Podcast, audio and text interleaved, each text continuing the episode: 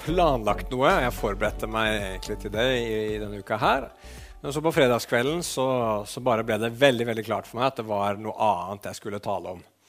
Så eh, hvis dere vil eh, gå med meg til Markus 8, vers 31-35 Markus 8, vers 31-35.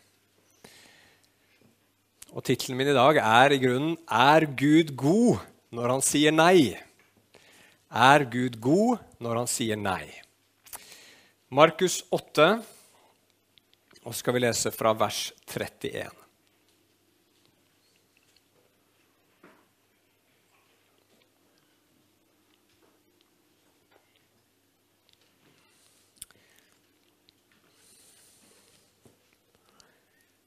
Markus 8, 31. Der står det.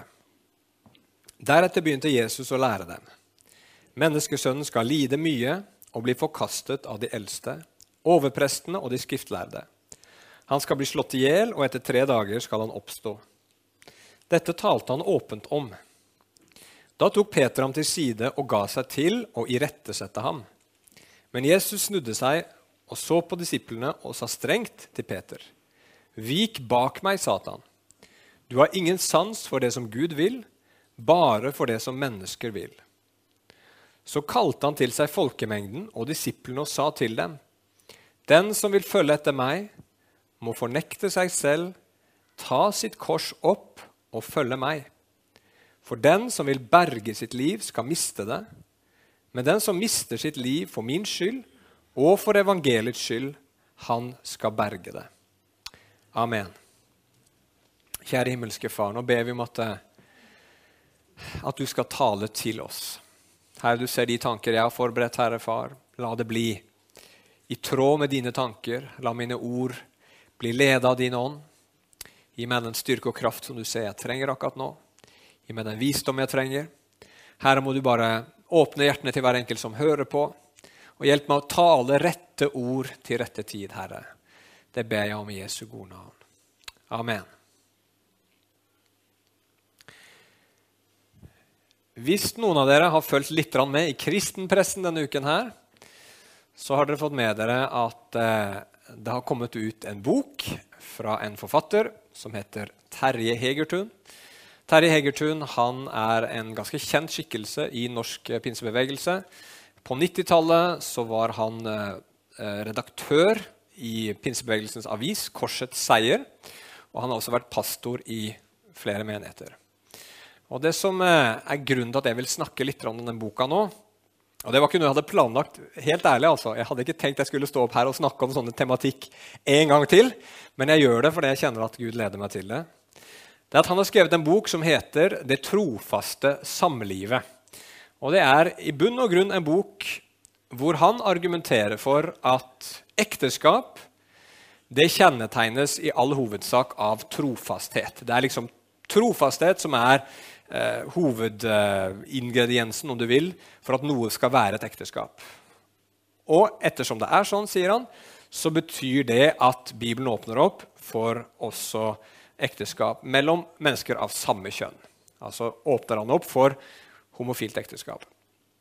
Og anbefaler da sin del av kristenheten, dvs. Si oss, pinsebevegelsen eh, og de andre frikirkene, til å ta steg i den retning. Og En annen kjent eh, person i pinsebevegelsen for dere som leser Korsets seier, kan se at, at uh, den personen også går ut og støtter Terje Hegertun i det. Uh, det er klart at Når noen sier noe sånt, så kommer det mange motsvar. Og det har ikke latt vente på seg. Det har kommet mange veldig gode motsvar. Du kan finne de på, på nett og i kristne aviser og sånt, som jeg, jeg syns er veldig veldig gode, hvor de treffer spikeren på hodet.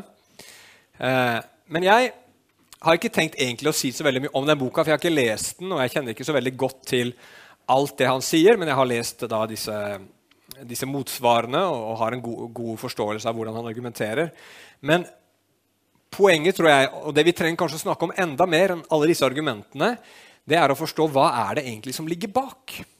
Hva er det som ligger bak sånne personer som Terje Hegertun og andre kristne som mener at vi eh, som, som, er bibeltro kristne, bør åpne opp i det spørsmålet? Hva er det som gjør at vi har dette presset i samfunnet vårt hele veien, som hele tiden pusher i den retningen? Du, du, du vet bare at Hvis du ser på utviklingen liksom ti år bakover i tid, så er det mange som har gått fra å være konservative i spørsmålet, og så har tiden gått, og så har de blitt liberale. For I 2008 så var hele bispekollegiet i Den norske kirke imot eh, homofilt ekteskap. 2008! Det er ikke så mange år siden det. Og nå er de for nesten hele gjengen. Noen unntak igjen. Men hva er gjør, hva er det, hva er det som gjør at mennesker nesten uunngåelig blir dratt i den retning? Alt ser ut til å gå i den retningen. ikke sant? Vi kommer ikke utenom det. Hva er det som ligger bak? Det ønsker jeg å si litt om i dag. Og For å si litt om det så eh, tenkte jeg skulle begynne med eh, noe som eh, ble gitt ut i 2013. Det var en rapport som da, bispekollegiet igjen i Den norske kirke ga ut, som heter 'Sammen' og, het, og, handler om samliv og samlivsordninger i et kirkelig perspektiv. Så de måte, Det var en, en gruppe mennesker som skulle dette, utrede dette med, eh, med, homofilt ekteskap, kjønn og alt dette her, for å gi Norske kirke en grundig drøftelse av tematikken. Og eh, Den er lang, lang, lang, men et par ting jeg bare lyst til å trekke ut. veldig enkelt. I en av eh, kapitlene der så sier de følgende det er ingen uenighet om at det Paulus sier om homoseksualitet, er kontant avvisende. Så, så, de innrømmer det at hvis du hører på Paulus i Bibelen, altså hvis du hører på Bibelen med andre ord, så er, eh, sier Bibelen at eh, det, altså, det å leve ut sin homoseksualitet, det er galt. Det er synd. Bibelen sier det klart og tydelig. Men allikevel så konkluderte de med at de ikke kan overta som de sier, deler av den bibelske forståelsen av ekteskap og seksualitet. Med andre ord, de sier, Men vi kan ikke følge alt det Bibelen sier om ekteskap og seksualitet, fordi, sier de, dette strider mot grunnprinsippene i den nyetestamentlige etikken, slik de kommer til uttrykk i det kristne kjærlighetsbegrepet. Hva betyr det? Jo, de sier det at vi kan ikke følge alt Bibelen sier om ekteskap og seksualitet, for det ville være i strid med kjærligheten. Sagt med andre ord så er, tenker de at problemet i, i, eh, med å ta det Bibelen sier om homoseksualitet, sånn som det står, det er at en Gud som mener og tenker på den måten, kan ikke være god og kjærlig. Det er det de ser på som problemet.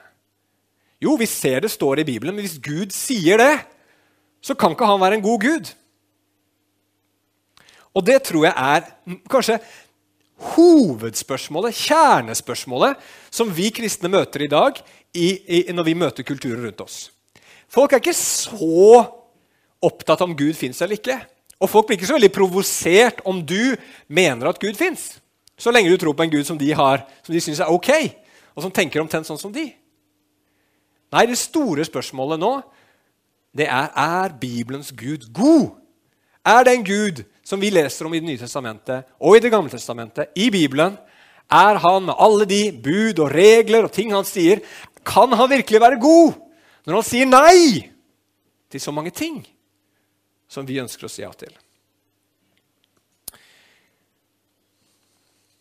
Og det her er en stor utfordring. Og det er kanskje noen av dere som kjenner det på kroppen nå.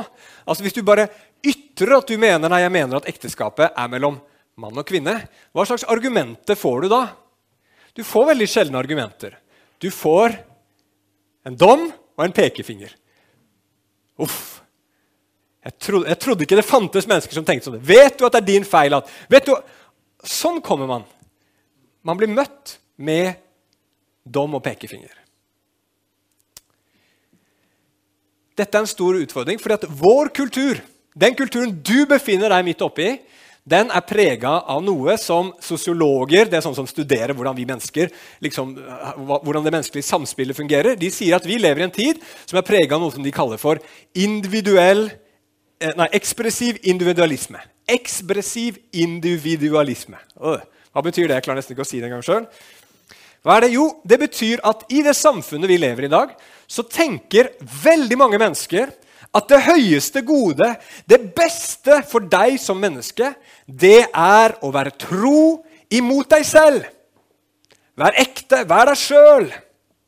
Og man tenker at bare du er tro imot deg selv, bare du liksom lever ut den du virkelig er Og hvis alle gjør det, så kommer vi til å få himmel på jord. Men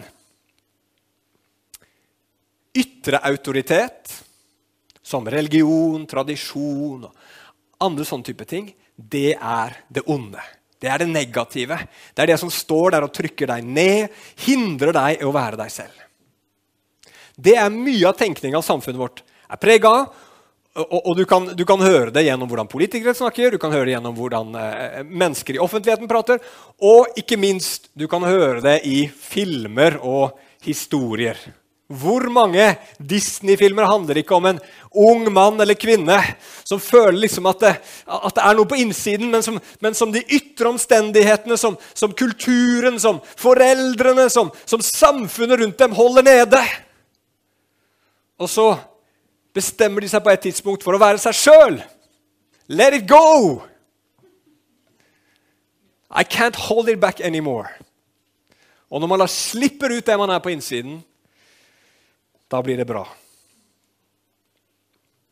Sånn tenker samfunnet vårt rundt oss, og da får vi kristne et problem når vi sier du kan ikke leve ut de seksuelle lystene der eller de der eller de der, eller ikke på den måten der. For da sier mennesket ja, men hvis dere tror på en sånn Gud, som ikke lar meg få være meg selv, så kan ikke han være en god Gud. Der tror jeg skoen trykker i dag. Og så er spørsmålet, da Hvordan skal vi kristne, som tror at Gud har gitt oss den boka her, som har gitt oss alt det som står skrevet her inne, hva skal vi gjøre i møte med, med vår kultur og mennesker som tenker sånn? En ting vi kan gjøre, det er at vi kan argumentere vi kan argumentere psykologisk og historisk og filosofisk. og liksom Komme med masse sånne argumenter for å si hvorfor det ikke er bra for et samfunn når vi liksom gir full frihet på det seksuelle området. Og Øyvind Benestad eh, for de av dere som vet hvem det er, han har jobba med mor, far, barn i mange år. Han har jobba veldig mye på den måten der. Gjort en veldig veldig grundig jobb. Veldig mange gode argumenter men det har ikke falt i så veldig god jord. Og Det er sikkert mange grunner til det, men et av grunnene til det er at vi mennesker lever ikke først og fremst etter vårt intellekt. Det er ikke intellektet som driver oss, det er hjertet som driver oss. ikke sant? Det er sånn vi er. Vi går etter det som føles godt, det som føles rett. Ikke så veldig ofte det som hjernen vår sier. Hvor mange her inne har gjort noe de bare veldig gjerne ville, men som egentlig gis dem en veldig dum ting her oppe? Ikke sant? Ja. Sånn er vi mennesker. En annen ting vi kan gjøre, Altså Vi har de rasjonelle argumentene. En annen ting vi kan gjøre, det er å bare si ja, bare stol på Gud. Stol på Gud. Jeg vet at han er god, og jeg vet at de bud han gir, er gode. Jeg forstår ikke alltid selv hvorfor han gir de budene i Bibelen. Men jeg følger de fordi jeg stoler på at han er god. Problemet er bare at vår kultur er veldig skeptisk nettopp som jeg sa, til autoriteter. Veldig skeptisk til noen som skal stå over meg og bestemme over mitt liv. Og veldig mistenksomme. Hvorfor sier du det? Hvorfor sier de kristne det? Er de ute etter å undertrykke? Er de ute etter å få makt? Er de ute etter å, å, å, å liksom eh, eh på en eller annen måte eh, ja, få en annen rolle, en større rolle i samfunnet? Hva ligger bak? Det er en skjult agenda, tenker man i noen tilfeller. Så hva kan vi gjøre, da? Jeg har, eh, skal avslutte dagens tale med det. Jeg tror det fins en vei for oss. Og eh, for å introdusere den så vil jeg lese et sitat. Jeg tror jeg har lest det her før. Fra en eh, prest i den anglikanske kirke som heter Sam Albury. Han har skrevet flere bøker. Dyktig, dyktig mann. Eh, og en bok han har skrevet, heter 'Is God Anti-Gay?' Er Gud antihomofil? Og, veldig fin bok. og én ting han skriver i den boka, det fikk virkelig min oppmerksomhet. og det står, ja, Hvor det står, vet jeg ikke, men det lyder i hvert fall som følger. Eh, og det er min oversettelse her, da. Og han, han, han skriver følgende.: Helt siden jeg begynte å være åpen om mine egne erfaringer med homoseksualitet, har mange kristne sagt noe sånt som evangeliet må være vanskeligere for deg enn det er for meg. Og her må jeg jo bare si med en gang at Sam Albury er en, en, mann som opplever at han er tiltrukket av det samme kjønn. Men han er overbevist om at som kristen ut fra Bibelen så kan ikke han leve ut den eh, lengselen og den lysten, så han har bestemt seg for å leve enslig. Det er hans valg ut ifra sånn som han ser i Skriftene. da. Eh, og, så, og så, så, sier folk til han da ja, men siden du da må ofre dette, så må jo evangeliet være vanskeligere for deg enn for meg. Og så sier han som om jeg hadde mer å gi opp enn dem. Men faktum er at evangeliet krever alt av oss alle. Hvis noen synes evangeliet liksom passet nokså enkelt inn i livet deres, uten å forårsake noen store endringer i livsstil eller lengsler, er det sannsynlig at de ikke egentlig har begynt å følge Jesus i det hele tatt. Hva sier han her? Han sier, 'Jeg måtte gi opp dette. Jeg ønsker å følge Jesus.' Og det betyr at da kan ikke jeg leve ut denne seksuelle lysten og lengselen jeg har i mitt liv. Men hvis du vil følge Jesus, så betyr det for deg også at det fins visse lyster og lengsler du ikke kan leve ut i ditt liv. Det, kommer, det koster ikke bare noe for meg, det koster noe for oss alle sammen. For Bibelens Jesus, som vi nettopp leste i Markus 8 og veldig mange steder i evangeliet, står vel i hvert eneste evangelium, han kaller oss til å fornekte oss selv. Så kan vi tenke ja, ja, man mener sikkert ikke noe veldig alvorlig med det. Så sier han etterpå, på, være helt på den sikre siden, vi skal ta opp vårt kors! Og så sier han senere at vi skal miste vårt liv. Det er veldig rart dere, er det ikke det, hvis det skal være sånn i en menighet, at et menneske som har homofile følelser, kommer inn i vårt fellesskap, og så sier vi ja, hvis du skal være en kristen, så må du fornekte deg selv på det området. Og så ser han alle andre fornekter ikke seg selv på noe område. Det kan ikke være sånn i menigheten. Kan det være det? Det må være likt.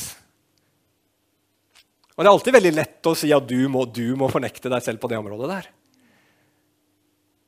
For det koster jo ingenting for oss. Men det fins andre områder for oss hvor det koster noe. Og hva er det vi må gi opp hvis vi skal følge Jesus? Jo, for det første så må du gi opp kontrollen i ditt eget liv. Jesus er Herre. Det er den første kristne bekjennelsen. Jesus er sjef, konge. Han regjerer.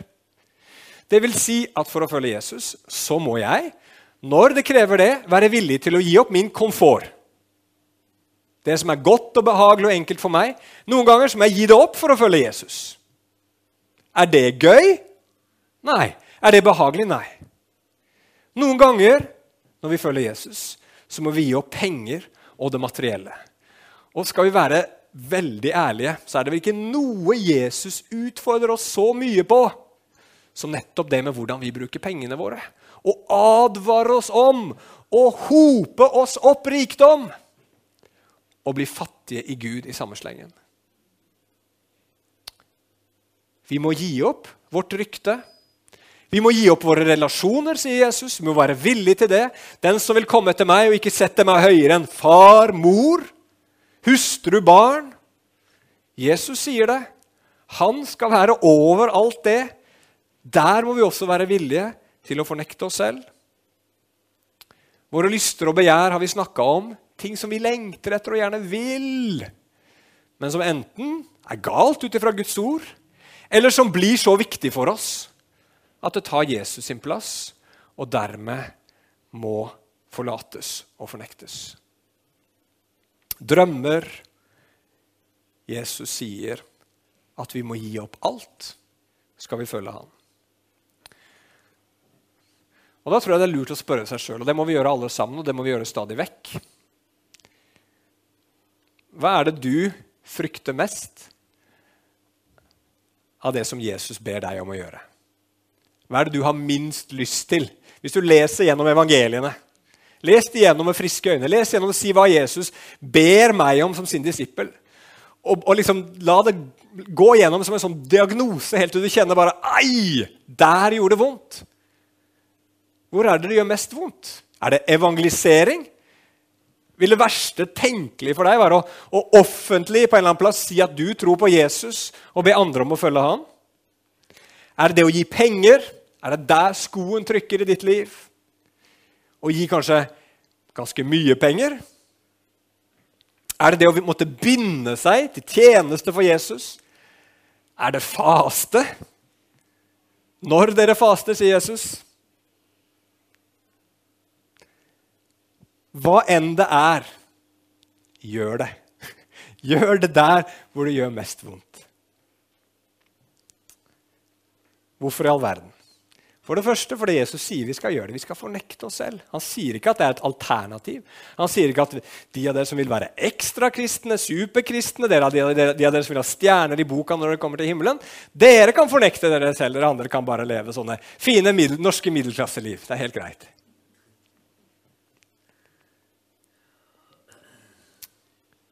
Vi må gjøre det fordi Jesus sier det.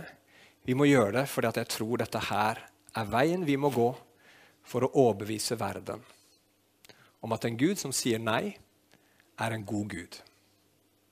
En Gud som kaller mennesker til å fornekte seg selv, er en veldig god Gud. På hvilken måte da? Det her høres jo ikke kjekt ut i det hele tatt, Magnus. Nei, det skjønner jeg. Men Jesus sier noe mer enn det. Han sier den som mister sitt liv, skal finne det. Og at den som finner sitt liv, skal miste det. Så mener Den som på en måte tenker at å, disse tingene her nede, og bare det livet, det livet jeg vil ha, det er det som skal gi meg liv, de finner død. Men de som sier, 'Jesus, jeg vil følge deg og gå med deg på din vei sånn som du vil', koste hva det koste vil, de skal finne liv. Og Da mener ikke Jesus noe sånn veldig åndelig og, og, fjernt og rart som ikke vi helt forstår. Men han mener en konkret erfaring både her og nå, og enda mer når vi kommer fram til himmelen. Erfaring av glede, frihet, trygghet, kraft. Alt det følger med når vi går på Jesus sin vei. Men skal du og jeg klare å finne liv når vi mister vårt liv, så er det to veldig veldig viktige ting vi trenger å forstå. Eller så blir det vil jeg kalt, den som halvveis mister sitt liv, den mister sitt liv. For det blir fort noe halvveis og noe halvhjerta over det. ikke sant? Når vi skal prøve. ok, Nå skal jeg ta meg sammen, og nå skal, vi, nå skal jeg ofre litt. og nå skal Det liksom. Det, det, det, funker veldig sjelden. Mange av oss har liksom prøvd noen ganger i livet vårt. Liksom, nå skal jeg være veldig ofrende. Og så blir vi bare utakknemlige og bitre og sure og sintre. ikke sant? Det hjelper ikke. Det kan bare skje, tror jeg, hvis minst disse to punktene her er inne i bildet når vi fornekter oss selv. Så nummer én det må gjøres som en respons på Jesu kjærlighet. For Jesus, dere, han representerer det vi kan kalle for den ultimate selvfornektelsen. Hvem har ikke ofra? Hvem har ofra så mye som han? Så han gikk fra himmelens herlighet til vår verden. Bare det må jo ha vært helt forferdelig på mange måter. Ble et menneske i fattigdom og nød og smerte og alt det innebar. Ble prøvd i alt vi opplever her nede. Og så gikk han til korset.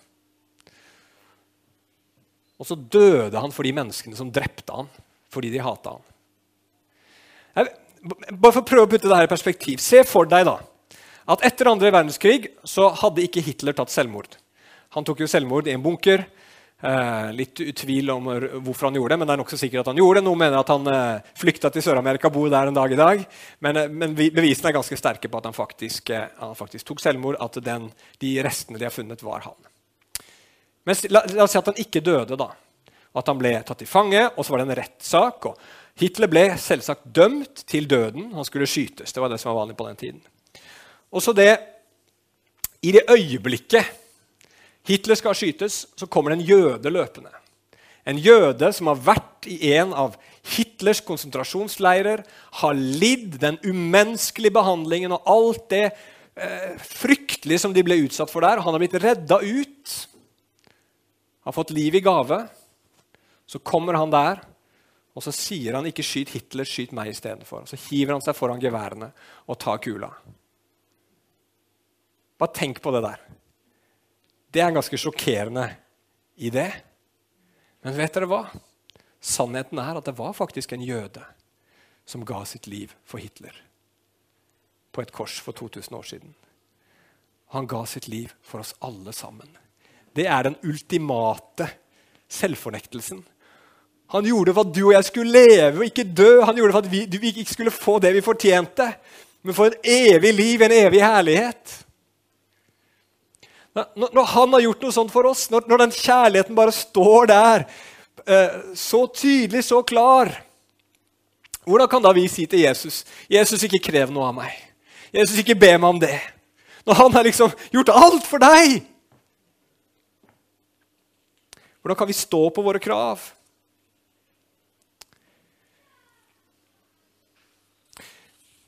Så tror jeg det er viktig å holde tunga rett i munnen her. Evangeliet, troen på Jesus, er helt gratis. Det er av nåde. Du trenger ikke gjøre noen ting for å få ta imot denne tilgivelsen. For å bli et Guds barn, for å bli rensa, for å bli himmelen verdig. Men så er det samtidig sånn at denne Jesus' sin kjærlighet er så ekstrem at du kan ikke ta det imot og samtidig La være å gjøre Jesus til ditt alt. Altså Hvis du tar imot denne nådefrelsen du får, så kan du liksom Du, du er nødt til å si 'Jesus'. Du er alt for meg nå. Nå vil jeg leve for deg. Når du skjønner hva han har gjort for deg, så har du på en måte ikke noe valg. Du må bare følge han. Og Det beste eksempelet jeg kan tenke på det er ikke, jeg er ikke så veldig god alltid på å tenke ut eksempler, men, men, men, men dette her tror jeg på en måte illustrerer litt. Tenk deg at du er i en livsfarlig situasjon.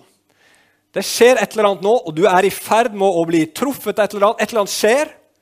Men så kommer din venn, som er glad i deg, han kommer og får deg ut av veien, og så er det han sjøl som blir ramma av det som akkurat skulle ramme deg. Han redder livet ditt. Og så står hans lille barn der ved siden av. Et lite barn som ikke har noen andre i verden enn denne vennen som nå er død. Helt mutters alene. Hva gjør du da med det barnet? Var det sånn at når, når, når den vennen din døde, så sa han 'Jeg redder deg hvis du tar deg av mitt barn'. Var det det han sa? Hvis du, okay, hvis du lover å ta deg barnet etterpå, så skal jeg dø for deg. Han sa ikke det. Det var betingelsesløst. Han bare hiver seg ut for deg, tar Eh, døden for deg, sånn at du skal få leve. Når du har blitt vist en sånn godhet, en sånn kjærlighet, kan du gjøre noe annet etterpå det da enn å si ok, dette barnet her adopterer jeg og gjør jeg til mitt eget barn for resten av livet. Det skal jeg ta vare på. Jeg skal sørge for at dette barnet får det godt. Selv om det, må, det, det kommer helt sikkert å koste meg sverte, vanskeligheter, penger, men det barnet der skal jeg ta meg av. Gjør du for det du må? Står det noe rundt deg og sier det er du nødt til å gjøre? Du kunne helt sikkert overgitt det til noen andre som ikke barnet kjente. Men du bare skjønner at den kjærlighetshandlingen som har blitt vist mot deg, den tvinger deg til å gjøre akkurat det. Og hvis du ikke gjør det, så kommer du til å leve resten av livet ditt i selvforakt eller med dårlig samvittighet og, og, og, og smerte. Så hvis du og jeg skjønner at Jesus har elska oss så mye så følger vi han med glede. Er dere enig i det? Det å fornekte seg selv er noe vi gjør fordi vi elsker han, fordi han elska oss først. Og så for det andre Skal dette med selvfornektelse fungere, så må det skje der hvor vi fornekter oss, når vi fornekter oss sjøl, og det skal fungere, så må, må, må, vi forstå at vi trenger Gud. og at vi er fullstendig avhengige av Han. Det må skje der hvor Ånden får gi oss kraft, og vi lever i fellesskap med Gud. Å leve i selvforaktelse eh, Det var ikke det jeg mente. Vi skal ikke forakte oss selv, men vi skal fornekte oss selv. Og det gjør vi i åndens kraft og mens vi lever i fellesskap med Gud. For sannheten er det om deg og meg. At du trenger Gud, jeg trenger Gud, og vi trenger Han mer enn vi aner. Vi trenger Han så desperat. Vi klarer oss ikke uten Gud. Ingen mennesker gjør det. Men når livet ditt går bra, når det er solskinnsdag, sånn som i dag, og ting ser fint ut, og du har ikke så veldig mange skyer på horisonten, og eh, maten var god, og, liksom alt er på plass, så føler du ikke at du trenger Gud. Du kjenner ikke behov for Han. Men når det derimot stormer, når problemene kommer, når du lider, når det er utfordring og kaos i livet, da merker du hvor hjelpeløs du egentlig er. Og da begynner du å søke Gud. ikke sant? Da begynner du å be. Og da begynner hjertet ditt å åpne seg og si, 'Gud, kom, hjelp meg, jeg trenger deg nå.' Og Det eneste som skjer da, er bare at du oppdager hvor mye du trenger Gud. Og Grunnen til at Gud kaller oss til selvfornektelse, det er for at du og jeg skal komme i sånne situasjoner hvor vi skjønner at vi trenger Gud. Og vi skjønner at vi klarer ikke dette uten, uten Han. For det, det, vi, det, vi, skal fornekte, er ting som er destruktive og ødeleggende for oss selv for samfunnet rundt oss. Men som vi ofte har lyst til å gjøre. Men i det vi fornekter oss selv, så bringer det lidelse, smerte, tunge stunder i livene våre. Men akkurat der hvis man gjør det rett, så vender man seg til Gud og sier man, Gud, nå må du komme inn i min smerte. Nå må du komme inn i min svakhet. Nå må du komme og hjelpe meg. Og som Thomas, han som skal ta over etter meg dette året, som snart begynner nå, sa Gud har ikke gjort noen ting bra i livet mitt utenom det han har gjort gjennom vanskeligheter og problemer og smerte. Kanskje en liten overdrivelse, men veldig mye av det Gud virkelig har gjort i mitt liv, det kan jeg se, og kanskje du også, det har skjedd i livet ditt når du har gått gjennom vanskelige tider. Og hva er Guds mål med oss? Hva er det Gud egentlig vil med deg og meg? Er det at du skal ha en sånn liten lykkerus i nå da? Nå da? At du, skal, du og jeg skal liksom gå med sånn overfladisk glede her i livene? Nei, Gud har et helt annet mål for livene våre. Han vil at du skal bli hellig. Han vil at du skal høre hjemme og være skikka til den nye himmelen og den nye jord han skal skape. Og fordi han er god, så kaller han oss til å fornekte oss selv. Sånn at han kan få gjøre det verket i oss som gjør oss hellige. Sånn at vi skal finne sann lykke som aldri tar slutt sann glede som ingenting kan stanse. En frihet og en kraft som verden ikke kjenner. Det er det det handler om. Gud er god. Han er tvers igjennom god. Men han vet bare så utrolig mye bedre enn deg og meg hva vi trenger. Du vet at barna dine ikke vet hva de trenger, du som har barn. Du vet at de tar feil. Du vet at de blir sure og sinte når du gir dem en god regel, sier til dem en ting de ikke kan få. Når de har lyst til å spille fotball på motorveien, f.eks.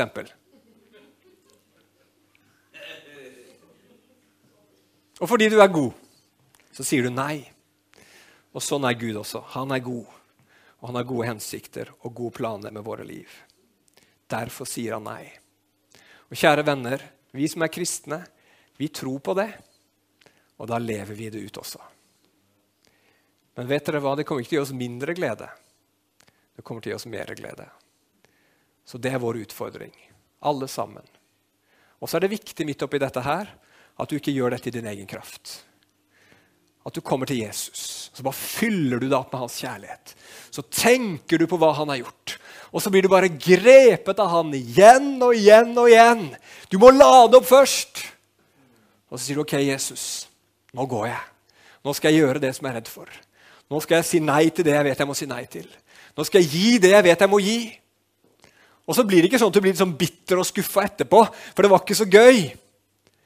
Nei, du er bare takknemlig for at du har fått lov til å leve litt av det livet som han har levd for deg, og vise litt kjærlighet tilbake til han. Der har Jesus kalt oss å leve. Og det kjære venner, er et godt liv. Og det trenger denne verden. Og det har den alltid trengt. Det er ikke noe nytt i denne tiden her. Amen. La oss be sammen til slutt. Jesus. Kjære himmelske Far, vi takker deg fordi at eh, du sendte Jesus til oss. Vi takker deg, Jesus, for at du var villig til å gå den lange veien. At du var villig til å betale den prisen du betalte. At du gjorde det for meg, og at du gjorde det for hver enkelt her inne. Og jeg ber om at Din Hellige Ånd må bare åpenbare Kristi kjærlighet for oss. La det bli livsforvandlende. La det bli eksplosivt, Herre. Og Gud, før oss inn i de vanskeligheter og prøvelser som kan lede oss nærmere deg, og som kan gjøre gleden vår dypere. Freden vår mer solid og uavhengig av omstendigheter. Kjærligheten til deg enda mer rotfesta og grunnfesta. Herre, det ber vi om i Jesu navn. Amen.